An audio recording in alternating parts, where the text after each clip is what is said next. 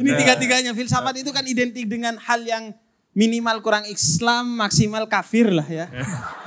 Kok bisa pembicaranya itu filsafat? Enggak, tapi yang menarik di situ adalah Anda menyatakan kalau Islam itu moderat. Udah pas yang harus dimoderatkan umat Islam. Iya. Saya mau minta penjelasan ini lebih dalam lagi. Iya, sebenarnya itu eh, setelah saya tobat dari filsafat. Al-Islamu mahjubun bil muslimin. Yang artinya ya, ya Itu kalaupun saya tidak mewakili kebo- eh, Iya. ketidaktahuan penonton Iya. ya saya akan jujur terhadap diri sendiri ya Pak Faiz Nah, ya. ya, yaitu bedanya filsafatnya UIN sama UGM. Betul. Betul, betul. betul, betul, betul itu.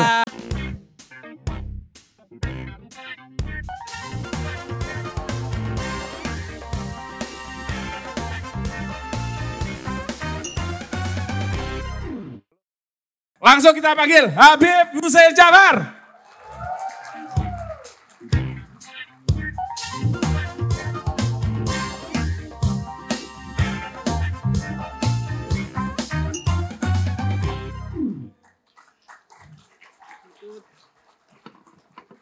Waduh, monggo Bib. Nah, bisa salam-salam dikit ya? Iya, eh, Assalamualaikum warahmatullahi wabarakatuh. Ya, saya seorang Habib Industri. Tapi seindustri-industrinya saya agak sampai ngemis donasi. Wah, waduh. Memang, memang Agus ini sudah tidak bakat sukses karena sejak namanya aja sudah pasaran. Susah untuk sukses. itu. Dan eh, terima kasih atas kehadirannya dan semoga ya memberikan kebaikan ya malam ini ya. Agus kok nggak sukses gimana? Karena Ada calon presiden, tetetet Harimurti Yudhoyono yang ngawur. ya. Saya tidak tahu soal itu. Habib kok diajak ngomong politik itu. Nggak boleh ya Habib berpolitik. Anda mau politisasi sebentar, agama? Sebentar. Loh, Islam itu bukannya politik. Politik kebangsaan. Oh. Bukan politik elektabilitas. Nek sejarahnya ya, Beb? Kalau sejarahnya gimana? Kan saya tanya gitu. Katanya Jogja itu penuh dengan Enggak, saya tanya sejarah Islam itu. Kok ini penuh dengan propaganda dan provokasi ya? Wes, Oke. ra istimewa wes. Oke, kita supaya asik ngobrolnya kita panggil narasumber kita yang paling utama dan paling terhormat, Dr. Fahrudin Faiz.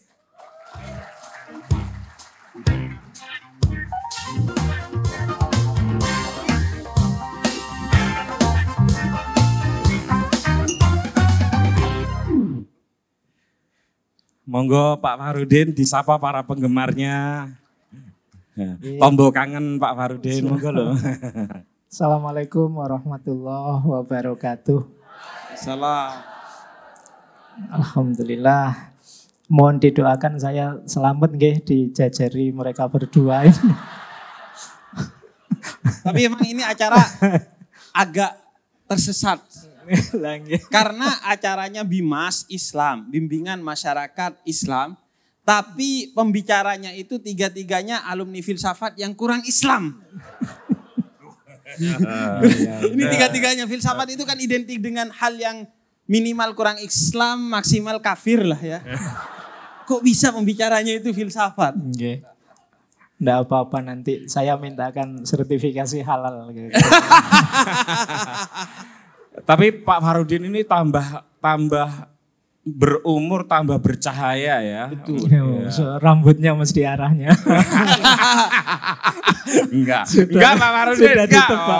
Sudah bisa Siapa yang ditebak. berani oh, ngajak Bion Ja- eh, tapi kita jarang loh ya berani kayak gini sama Pak Iya, makanya. Ja- Jajal nek wani ngenyek. Iya.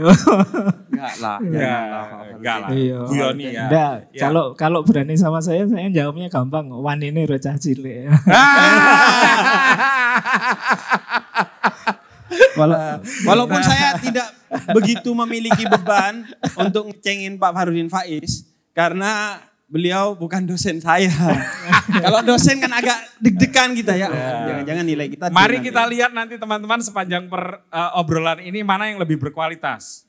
alumnus filsafat UIN Yogyakarta, alumnus filsafat UIN Jakarta, atau alumnus filsafat UGM.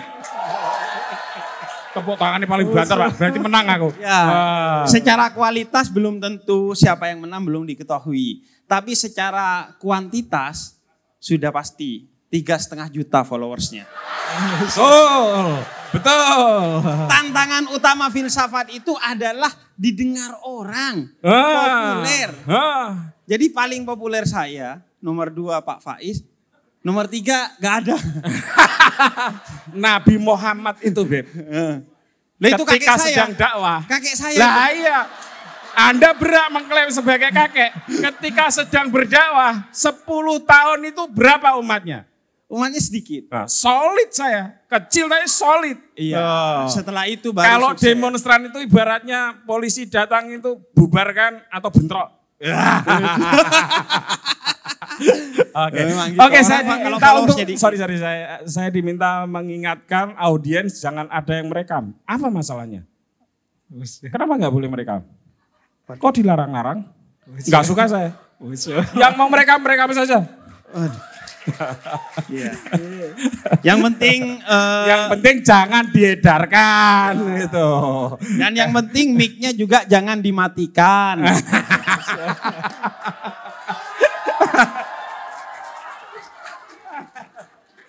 ya ya ya maksudnya itu jangan live ya kira-kira gitu tapi oke lah itu nggak usah terlalu diributkan eh mulai agak serius nih mas, Mas maaf ya teman-teman saya mulai agak serius. Jaga diri baik-baik jaga jarak jernihkan pikiran. Pak Harudin Kok saya dulu?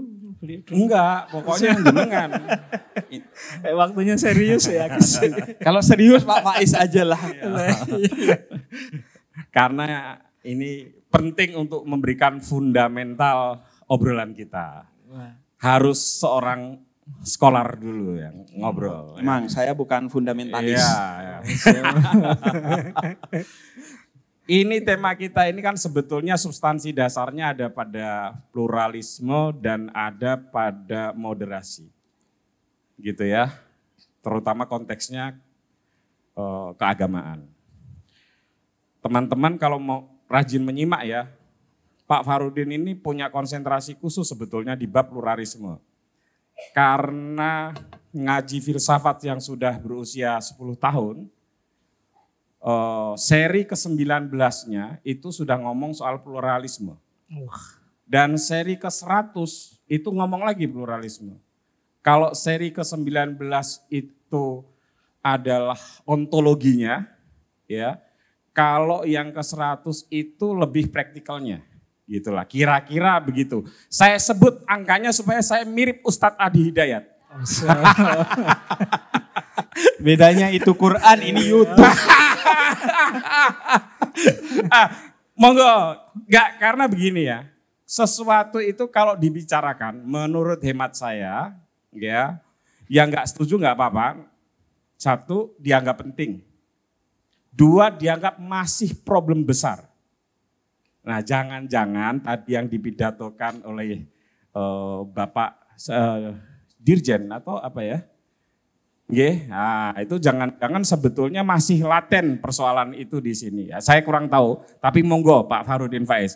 Kenapa pluralisme mesti harus kita bicarakan terus-menerus? Apakah itu fundamental persoalan kita ataukah persoalan itu masih laten di dalam kehidupan kita? Silakan. Oke, baik. Terima kasih. Terima kasih. Yang pertama berarti Mas Butut ini subscriber saya. Hafal sa- nomor serinya. Apa, Pak? Saya aja Kalau mau dites itu saya kira-kira nomor satu berani saya. Seri ini ngomongin apa seri? Oh iya, Oke. termasuk jeda menulis saya hafal. Usul. Berarti bohong. Karena namanya yang benar jeda nulis, bukan jeda menulis. Jeda ya, ya, ya. Nanti saya akan perlihatkan bagaimana saya lebih menguasai jeda nulis daripada yang bikin. Oke, baik. Terima kasih. Jadi memang mungkin saya lebih suka menyebutnya ya mengangkat lagi wacana pluralisme termasuk moderasi beragama mungkin istilahnya namanya mainstreaming mainstreaming itu kita bawa ke tengah kembali. Karena memang diakui atau tidak belakangan muncul gejala-gejala fenomena-fenomena yang jangan-jangan itu indikasi kita mulai melupakan bahwa hidup ini bineka. Hidup ini isinya ya macam-macam. Nah, fenomena itu bisa kita lihat misalnya banyak orang ngotot dengan kebenarannya sendiri. Banyak orang merasa dialah satu-satunya yang lain salah semua. Terus muncul konflik-konflik. Baik di level pemikiran, di, apalagi di medsos, bahkan beberapa kelihatan eh, dalam kehidupan nyata. Maka wacana-wacana seperti pluralisme, moderasi dan lain sebagainya itu memang menurut saya yo istilah pasnya itu kita mainstreamkan lagi. Mungkin kalau pakai istilahnya Habib kita viralkan saja sering-sering. Biar orang sadar bahwa kenyataan hidup kita kalau bahasa agama sunnatullahnya hidup itu ya memang beragam, memang plural. Jadi ketidakterimaan kita terhadap pluralitas keragaman itu jangan-jangan kalau bahasa tasawufnya menunjukkan kita tidak ridho dengan ketetapan Allah kondisi yang bineka, yang plural ini. Jadi menurut saya ya memang problem hari ini itu wacana-wacana itu terpinggirkan, kalah viral oleh yang keras-keras, oleh yang apa ingin menang sendiri dan lain sebagainya. Nah itu apa problem kita semua untuk memahami bahwa hidup ini beragam? Secara filosofis ini. Secara filosofis setiap orang itu sebenarnya punya bakat egois. Tidak hanya apalagi yang di tengah ya. Uh, iya.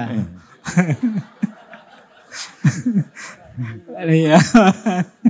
Jadi setiap orang itu yo kita itu ngaku apa tidak kan merasa bahwa yang saya yakini, yang saya terima, yang saya kaji selama ini yaitu yang paling benar kan setiap orang punya kecenderungan begitu. Jadi kecenderungan ini kemudian kalau tidak dimanage dengan baik jatuhnya adalah konflik karena tabrakan dengan egoisme yang lain, selfish-selfish yang lain. Yang itu kemudian membuat kita dalam hidup ini terus rasanya kan banyak orang bilang hidup hari ini tuh rasanya sangat kompetitif, balapan. Apa-apa serba balapan kayak tadi loh, ayo followernya berapa, subscribernya nah, itu, berapa. Itu, itu, kelihatan Jadi, kan? Maksud saya itu kan. Ya. Jadi supaya jadi, nanti yang nonton lewat YouTube itu juga jelas kan, udah iya, kelihatan iya, gitu kan. Ya, ya. Arahnya ke situ mesti. Jadi kan rasanya kok terus jadi capek. Itu saya belum bilang hatersnya berapa iya, ya. Oh, iya. Nanti saya akan tanya soal itu. Iya. jadi situasi seperti itulah yang kemudian membuat kita tidak produktif akhirnya. Jadi semata hanya soal ego. Sebagian besar karena itu. Ada nggak yang lain? Ya ego itu kan nanti menyebarnya ke arah kepentingan. Menyebarnya ke arah uh, ego itu kan bisa tidak hanya kecil aku tapi sektoral. Bisa ego kelompok dan lain sebagainya. Jadi itu yang membuat kemudian uh, kita sering lupa bahwa selain kelompokku ada kelompok yang lain. Selain aku ada dia, ada kamu. Dan itu yang sering kita lupakan. Oke, okay. itu faktor dominan yang menghalangi uh, orang untuk memahami keberagaman. Iya. Nah, secara filosofis juga, bagaimana cara melewati itu? Kita sengaja agak lama ini supaya yang di tengah agak kikuk, Be. Pak, Harudin. Iya, biar biar Habib nanti yang ngegongi ya. Saya ngomong yang lain. Itu bedanya orang bijak dan tidak bijak. Oke. Jadi begini kalau saya ya, menurut hemat saya sebenarnya di level pemahaman dan pengetahuan kalau ditanya orang itu semuanya akan bilang ya hidup ini memang beragam, memang plural. Tapi yang sering terlewat itu level kesadaran. Hmm. Jadi level kesadaran itu berarti pemahaman tadi itu terlibat dalam keseharian kita itu berarti sadar sudah. Yang sering terjadi antara pemahaman kita dengan keseharian kita berjarak. Nah ini kita sebut istilahnya terus jadi tidak hidup ilmu itu dalam diri kita. Makanya orang Jawa punya jargon yang luar biasa. Ilmu kuwi kelakone kanti laku. Jadi tidak sekedar diseminarkan, tidak sekedar dibahas. Makanya mungkin tema besar apa ikrom tahun ini kan bagaimana mengaktualkan itu. Kalau sekedar pengetahuan bahwa hidup ini plural, ya semua orang sudah tahu kok. Mungkin tidak ada yang bantah juga kalau ditanya. Tapi bagaimana menghidupkannya secara aktual, secara nyata. Nah ini menurut saya basisnya harus kesadaran. Kesadaran ya. Iya. Jadi Metodologinya gimana tuh? Nah, saya pinjem teorinya filosof nih. Imam, Monggo, monggo, monggo. Imam Ghazali. Saya enggak tahu Imam Ghazali itu Habib enggak? Bukan dong. Bukan. Kenapa yakin bukan? Memang bukan ya? Karena keturunan Persia kan. Oh ya. Oke. Baik, alhamdulillah enggak apa-apa. Karena saya khawatir suul adab. Kalau Habib kan harus saya panggil Habib. Ya, Baik, jadi menurut Imam Ghazali begini. Untuk menumbuhkan kesadaran, pertama-tama perlu sajaah, kata beliau. Sajaah itu keberanian memulai. Jadi jalankan dulu meskipun agak terpaksa, itu bahasa lainnya begitu. Misalnya, wah saya berat ini menghargai rival saya ini. Menurut saya aku yang benar dia, itu kan berat. Kata Imam Ghazali, sajaah dimulai dulu. Jadi harus ada keberanian memulai. Menghargai pun juga kita perlu keberanian. Kalau sudah kita mulai, selanjutnya riadoh yang istiqomah. Terus menerus dilatih, dilatih. Kalau sudah lama-lama dilatih, dia akan tumbuh jadi karakter. Di situ muncul akhlak. Nah, baru kehidupan bersama dengan basis pluralitas tadi bisa hidup, bisa aktual. Itu salah satu contohnya. Satu saja, satu saja. Nanti Iya. terlalu terlalu senang penonton dan terlalu jadi- lama waktu kita. Iya. Saya segera mau beranjak ke Ya, baik. uh, Habib Hussein. Beb, nah, lima tahun yang lalu Beb, Anda mengunggah pada tanggal 4 Mei, ya, judulnya moderasi beragama. Kalau itu Anda ingat nggak? Supaya Ingat, jelas ini siapa yang lebih menguasai jeda nulis nih. Ingat, ingat Ya, dong. ya. Ingat. Anda masih nyon sewu ya Beb ya. Rambutnya agak gondrong, tapi gondrongnya kan ya gitu ya. Iya. Ngadep laptop, ya, harus Mac gitu supaya terlihat bahwa Kaya. edgy gitu ya. Ngadep teh, belakangnya harus ada buku banyak supaya terlihat pintar Pencitraan. gitu ya. Ya, ya pasti pencitraan itu Beb. Mau diatur ada kameranya kok. Enggak, tapi yang menarik di situ adalah Anda menyatakan kalau Islam itu moderat. Udah pas yang harus dimoderatkan umat Islam. Iya. Saya mau minta penjelasan ini lebih dalam lagi. Iya, sebenarnya itu eh, setelah saya tobat dari filsafat. Karena itu eh, saya sudah menjadi mahasiswa tafsir hadis di S2 saya dan itu perspektifnya lebih kepada tafsir. Sebentar Beb, Ah. Be- kalau Anda tobat, Anda merasa Pak Farudin ini belum tobat. Kita doakan. Eh, kan, kan tadi-. Jadi eh, di dalam Al-Quran itu memang eh, kata wasatiyah yang kemudian diterjemahkan sebagai moderat itu merujuk kepada umatan. Wa kadzalika ja'alnakum ummatan wasatan. Nah, ini bedanya orang filsafat sama orang tafsir. Tahu saya. Dibaca ayatnya. Enggak, ya baca, baca. Iya. Suruh ngulang sih, ya bisa, tapi nggak usah. gitu. Jadi eh, predikasi moderat itu dalam Al-Quran kepada umatnya, bukan kepada agamanya. Maka itu menunjukkan bahwa sebenarnya agamanya itu sudah mengatur untuk kita menjadi moderat. Hanya saja kita sering berjarak sebagai umat itu dari agama itu sendiri. Itu yang kemudian disindir oleh seorang pembaharu Islam seperti eh, Muhammad Abdu bahwa saya melihat muslim di Mesir tapi saya tidak melihat Islam di sana. Sedangkan di Paris saya melihat eh, Islam meskipun saya tidak melihat muslim di sana. Karena Islam itu sebagai value. bukan hanya sebagai agama yang secara formal bisa disematkan kepada kita lantaran kita bersyahadat. Makanya Islam itu kan kata kerja, bukan kata benda. Orang Islam tidak dijamin masuk surga kalau tidak berkelakuan yang islami. Nah, di sana Al-Quran itu predikasi moderat untuk umat dan memakai kata ja'ala bukan khalaqo. Ja'ala itu merujuk kepada satu upaya dari kita kalau kholako itu Allah menciptakan jebret begitu aja jadi. Tapi kalau ja'ala Allah itu memberikan potensi berupa agama yang moderat. Apakah kemudian akan benar-benar membuat umat beragama itu moderat atau tidak itu tergantung kepada umatnya. Pinter ya coba ya Habib. tepuk tangan silakan tepuk tangan. Makanya Lanjut lanjut ya. Islamnya sih sudah moderat. Bahkan realitasnya seperti yang tadi disampaikan oleh Pak Faiz, kalau secara filosofis disebutnya ontologinya itu sudah moderat. Wong Gak paham arek-arek ontologi apa. Kene-kene ae sing paham. Iya. Ya kalau mau paham ya sinawo dhewe ngawur. eh. Jadi ontologinya sudah moderat. Bahkan kita dilahirkan dari pluralitas ayah dan ibu kita. Kita berjalan dari pluralitas kaki kanan dan kaki kiri kita. Itu udah kenyataan. Agamanya moderat. Kemudian kita juga mengalami dalam realitas yang moderat. Tapi kemudian pemahamannya. Kalau dalam filsafat itu epistemologinya. Itu kita gak paham karena tidak pernah mungkin memberikan waktu untuk merenungkan, oh iya ya, saya ini terbentuk dari perbedaan.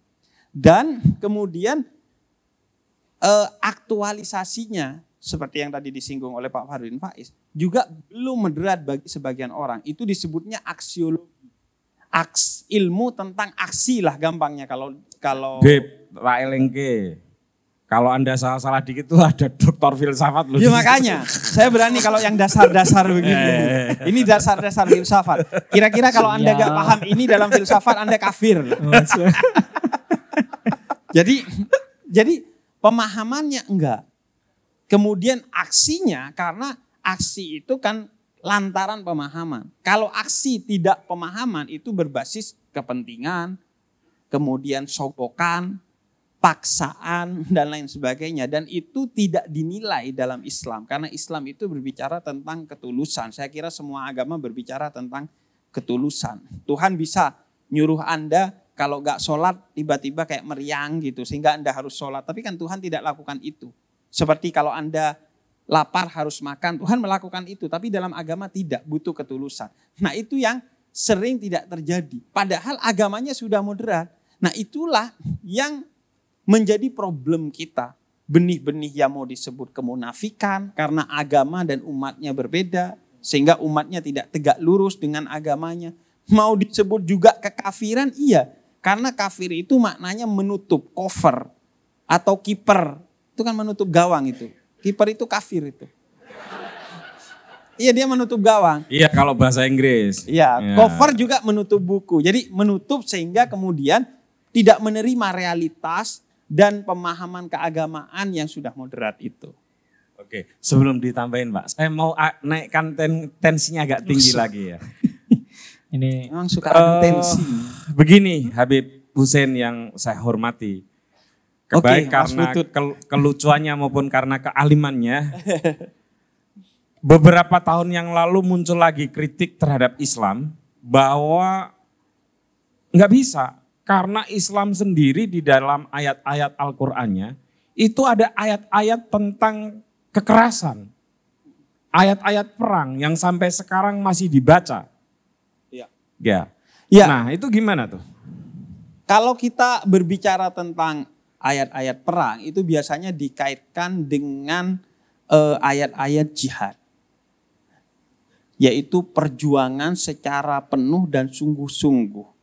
Dan ayat-ayat perang itu tidak boleh dilepaskan dari konteksnya. Konteksnya ayat-ayat perang dalam Islam itu bukan ofensif tapi defensif. Dia itu untuk membela diri dari kekejaman-kekejaman kafir harbi yang ada di zaman itu. Kafir harbi ini adalah orang yang kafir, tapi dia memerangi umat Islam. Membunuh melukai, menghancurkan, merampas hartanya dan lain sebagainya.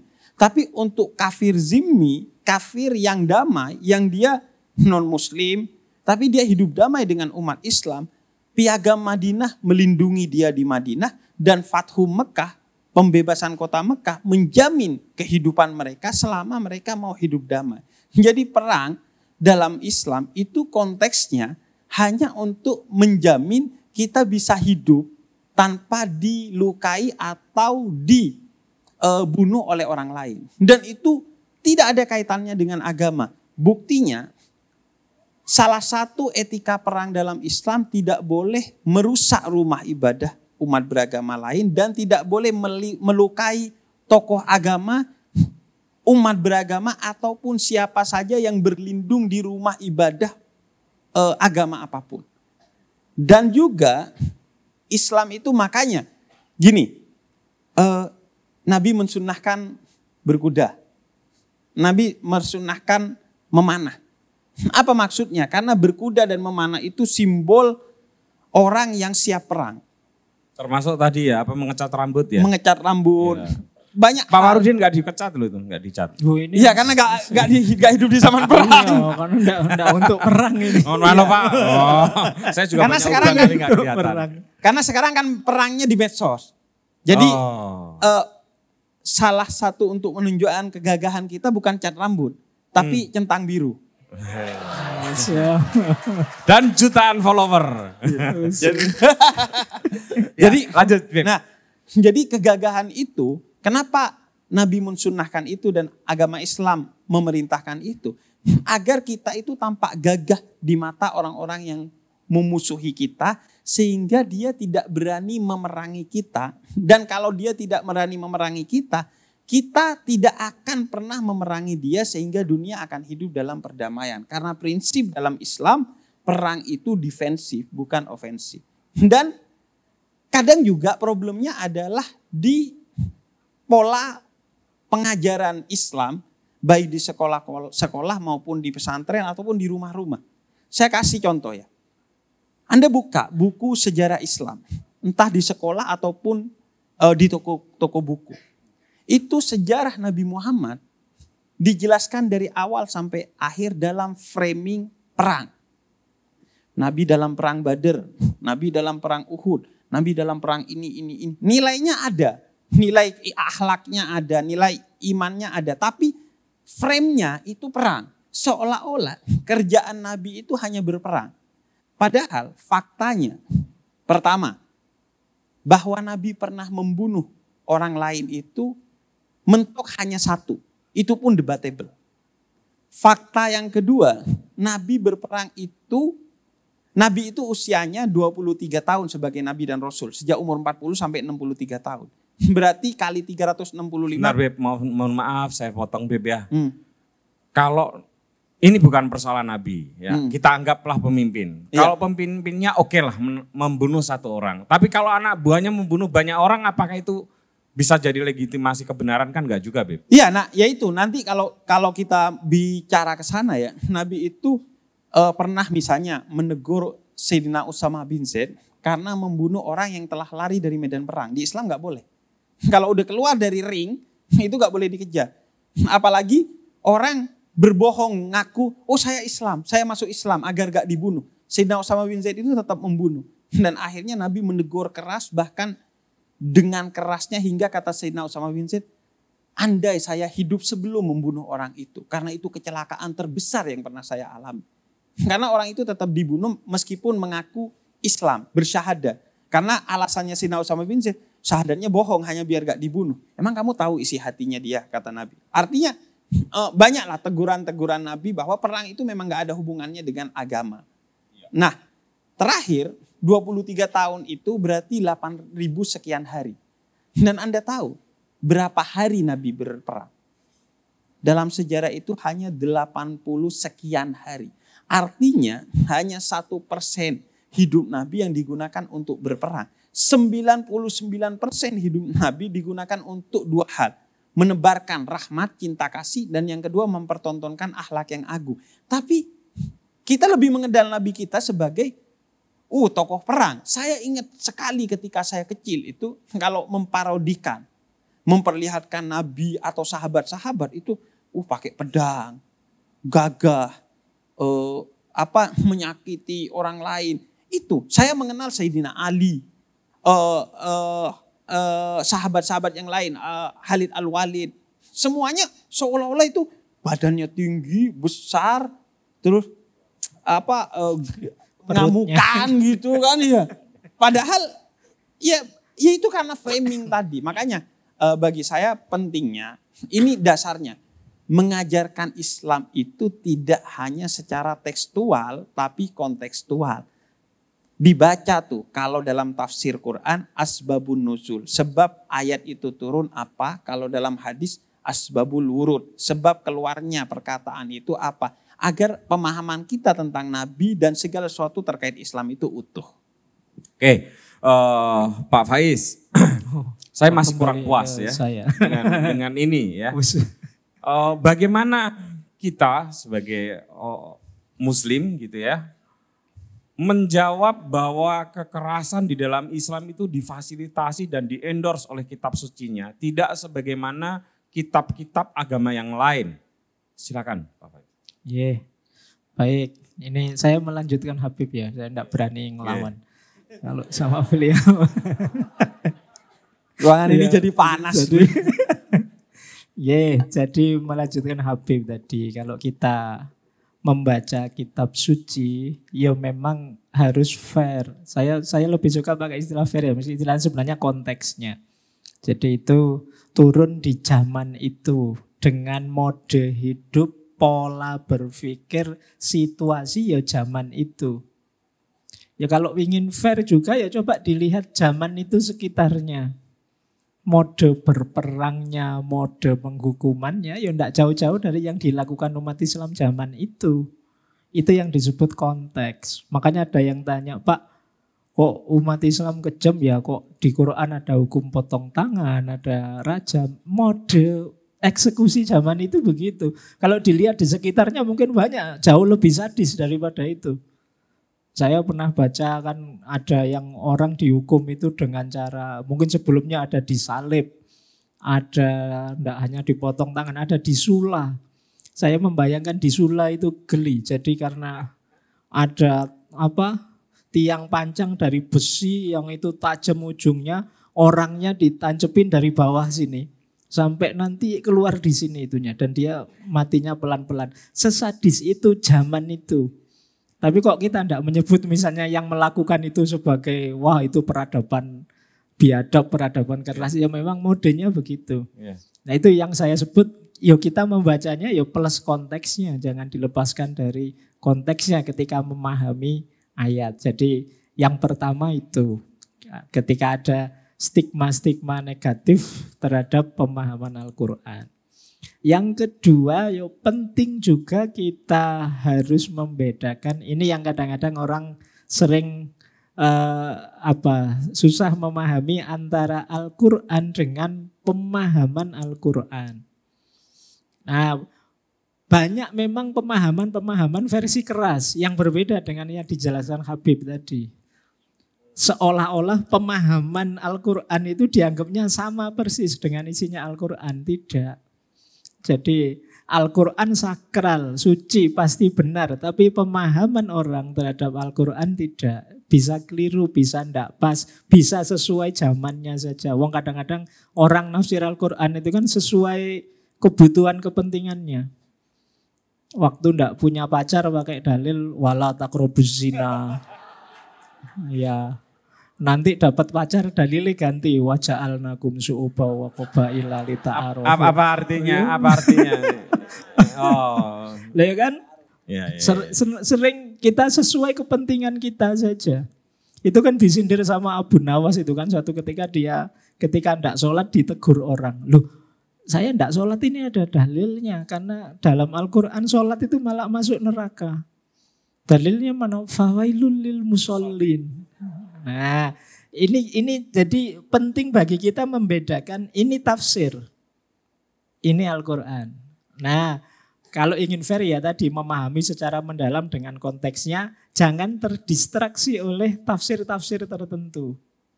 Biasanya kita ndak adilnya itu ya yang benci dipilih tafsir-tafsir yang negatif saja. Yang senang melihat positifnya saja lupa dengan memang kadang-kadang ya ada fenomena-fenomena yang berbeda. Jadi menurut saya memahami Al-Qur'annya tentang kekerasan tadi ya kita pahami plus konteksnya sesuai situasi zaman itu kalau bahasa uh, ilmu tafsir hari ini kemudian kita bawa ke saat ini sesuai zaman ini yang itu mungkin tidak bisa 100% plek sama dengan zaman itu. Uh, artinya orang yang menyatakan seperti itu, ini kan bukan hanya umat non Islam, tapi juga hmm. ada beberapa orang Islam begitu ya, yeah. yang ya itu memang diajarkan begitu. Nah itu itu gimana menjelaskan itu? Apakah itu kurang belajar atau prejudice atau bagaimana? Ya, jadi dia memang sudah punya asumsi-asumsi sendiri, punya mindset sendiri tentang jalan beragama versi dia.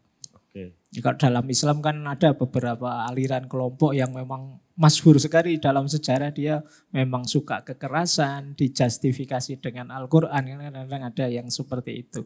Nah, yang seperti ini yang sedang kita kalau bahasa hari ini kan yuk kita kembali ke hitohnya ajaran Islam yang moderat.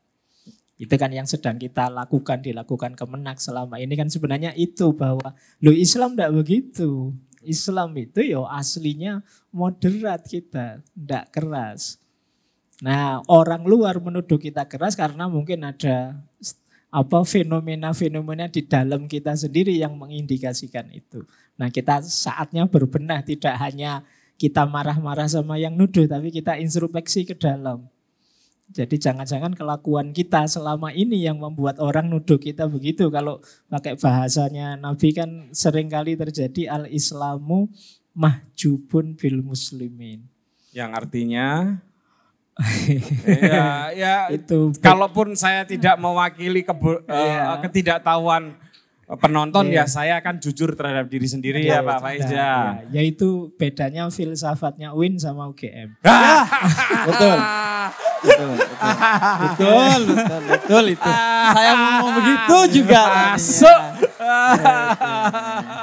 Berani-beraninya loh. Ya, Pak, tapi artinya apa Pak? Yeah, Apa Beb artinya tadi? Cara mendidik orang yang paling baik adalah dengan mencari sendiri artinya.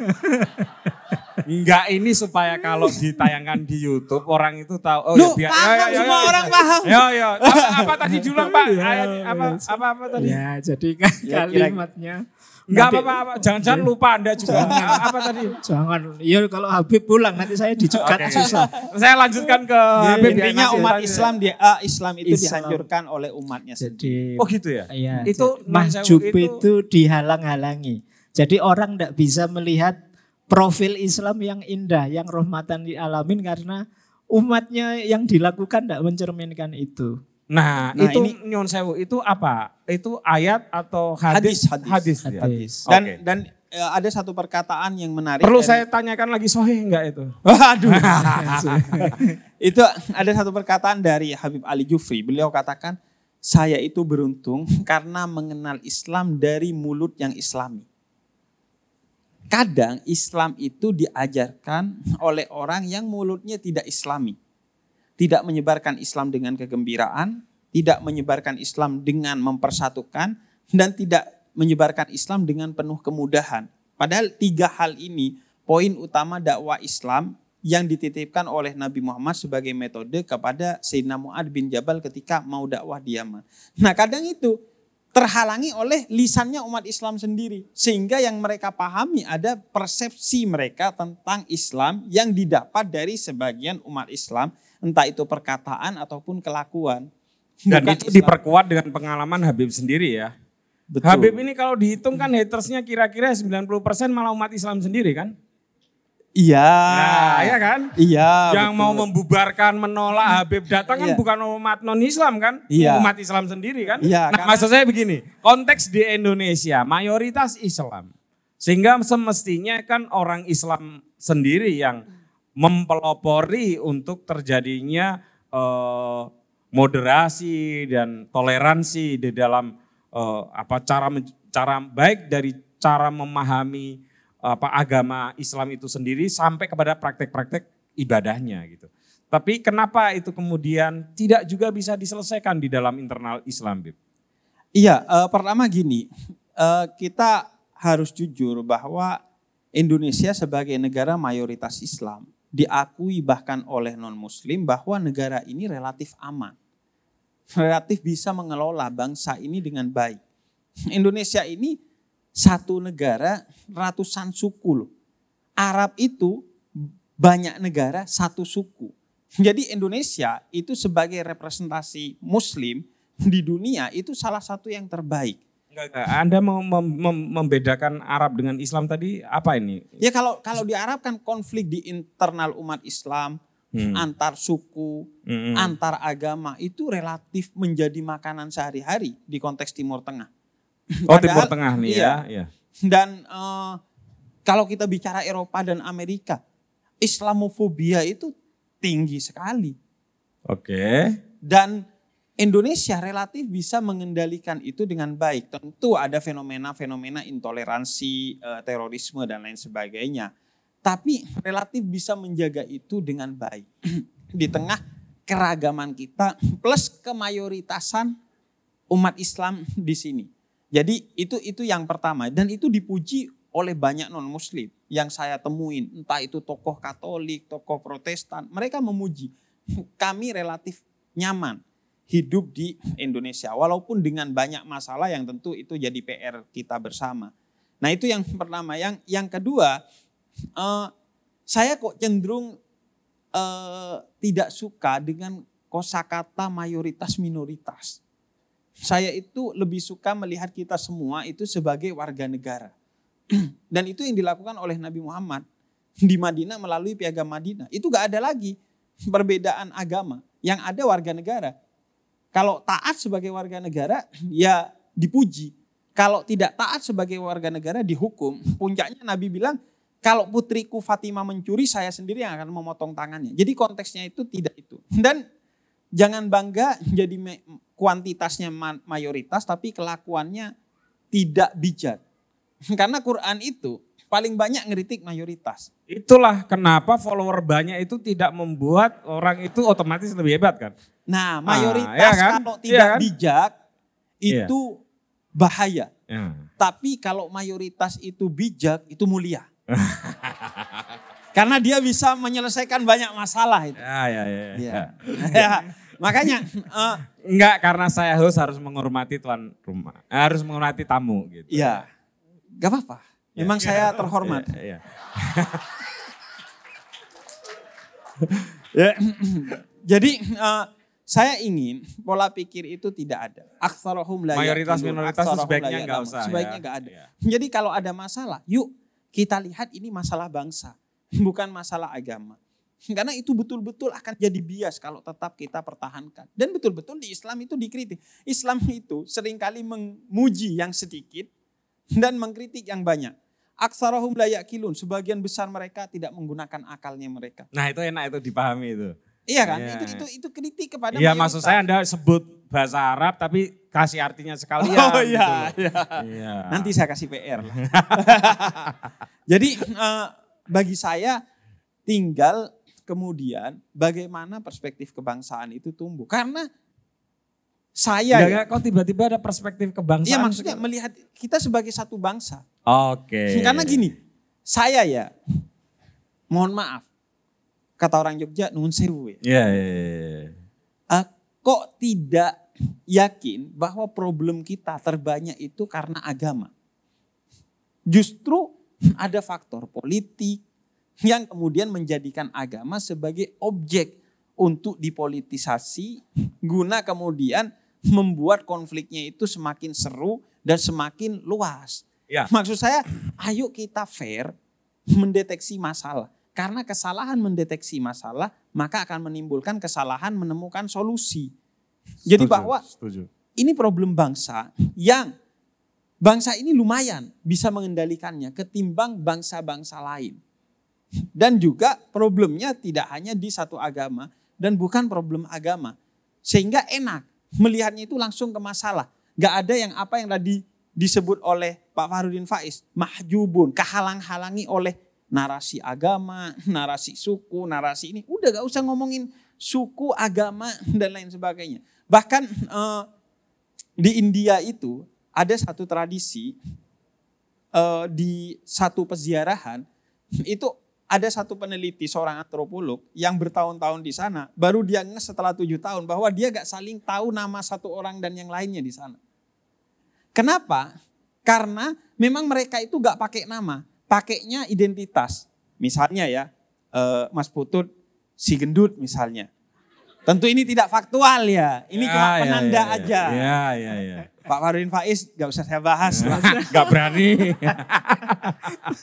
Jadi itu cuman labeling. Oke. Kenapa? Karena nama itu penanda kasta di sana.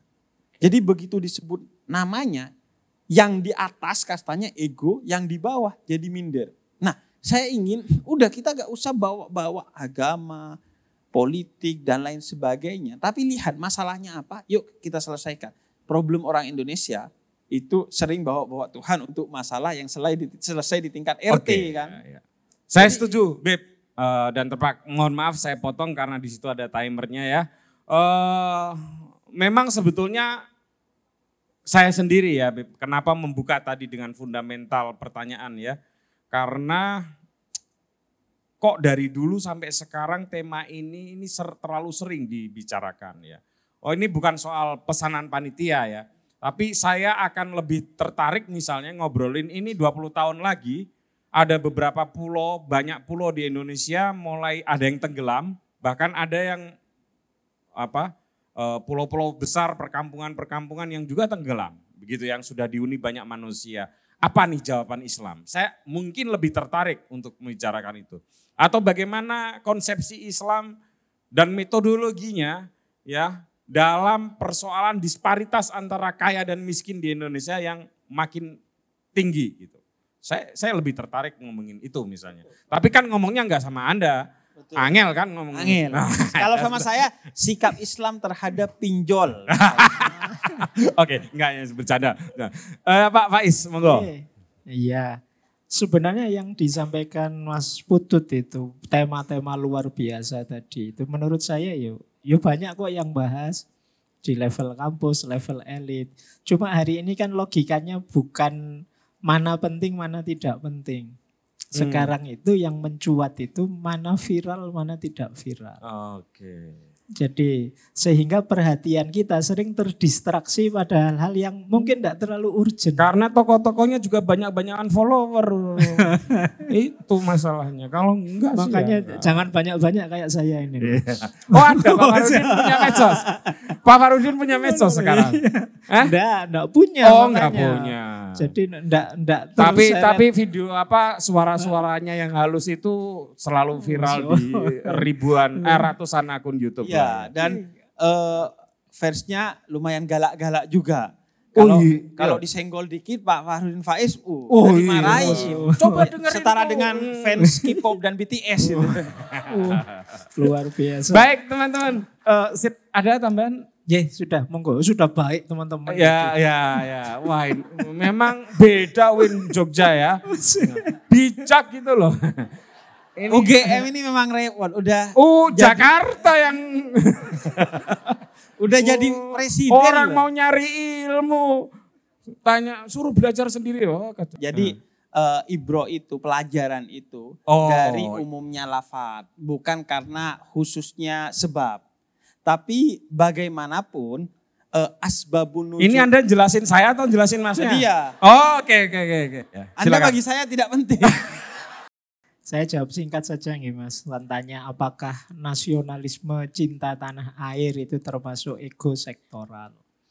Jadi kata-kata cinta itu sendiri sebenarnya menunjukkan sudah tidak egois lagi. Wih. Cah cinta tepuk tangan. Iya.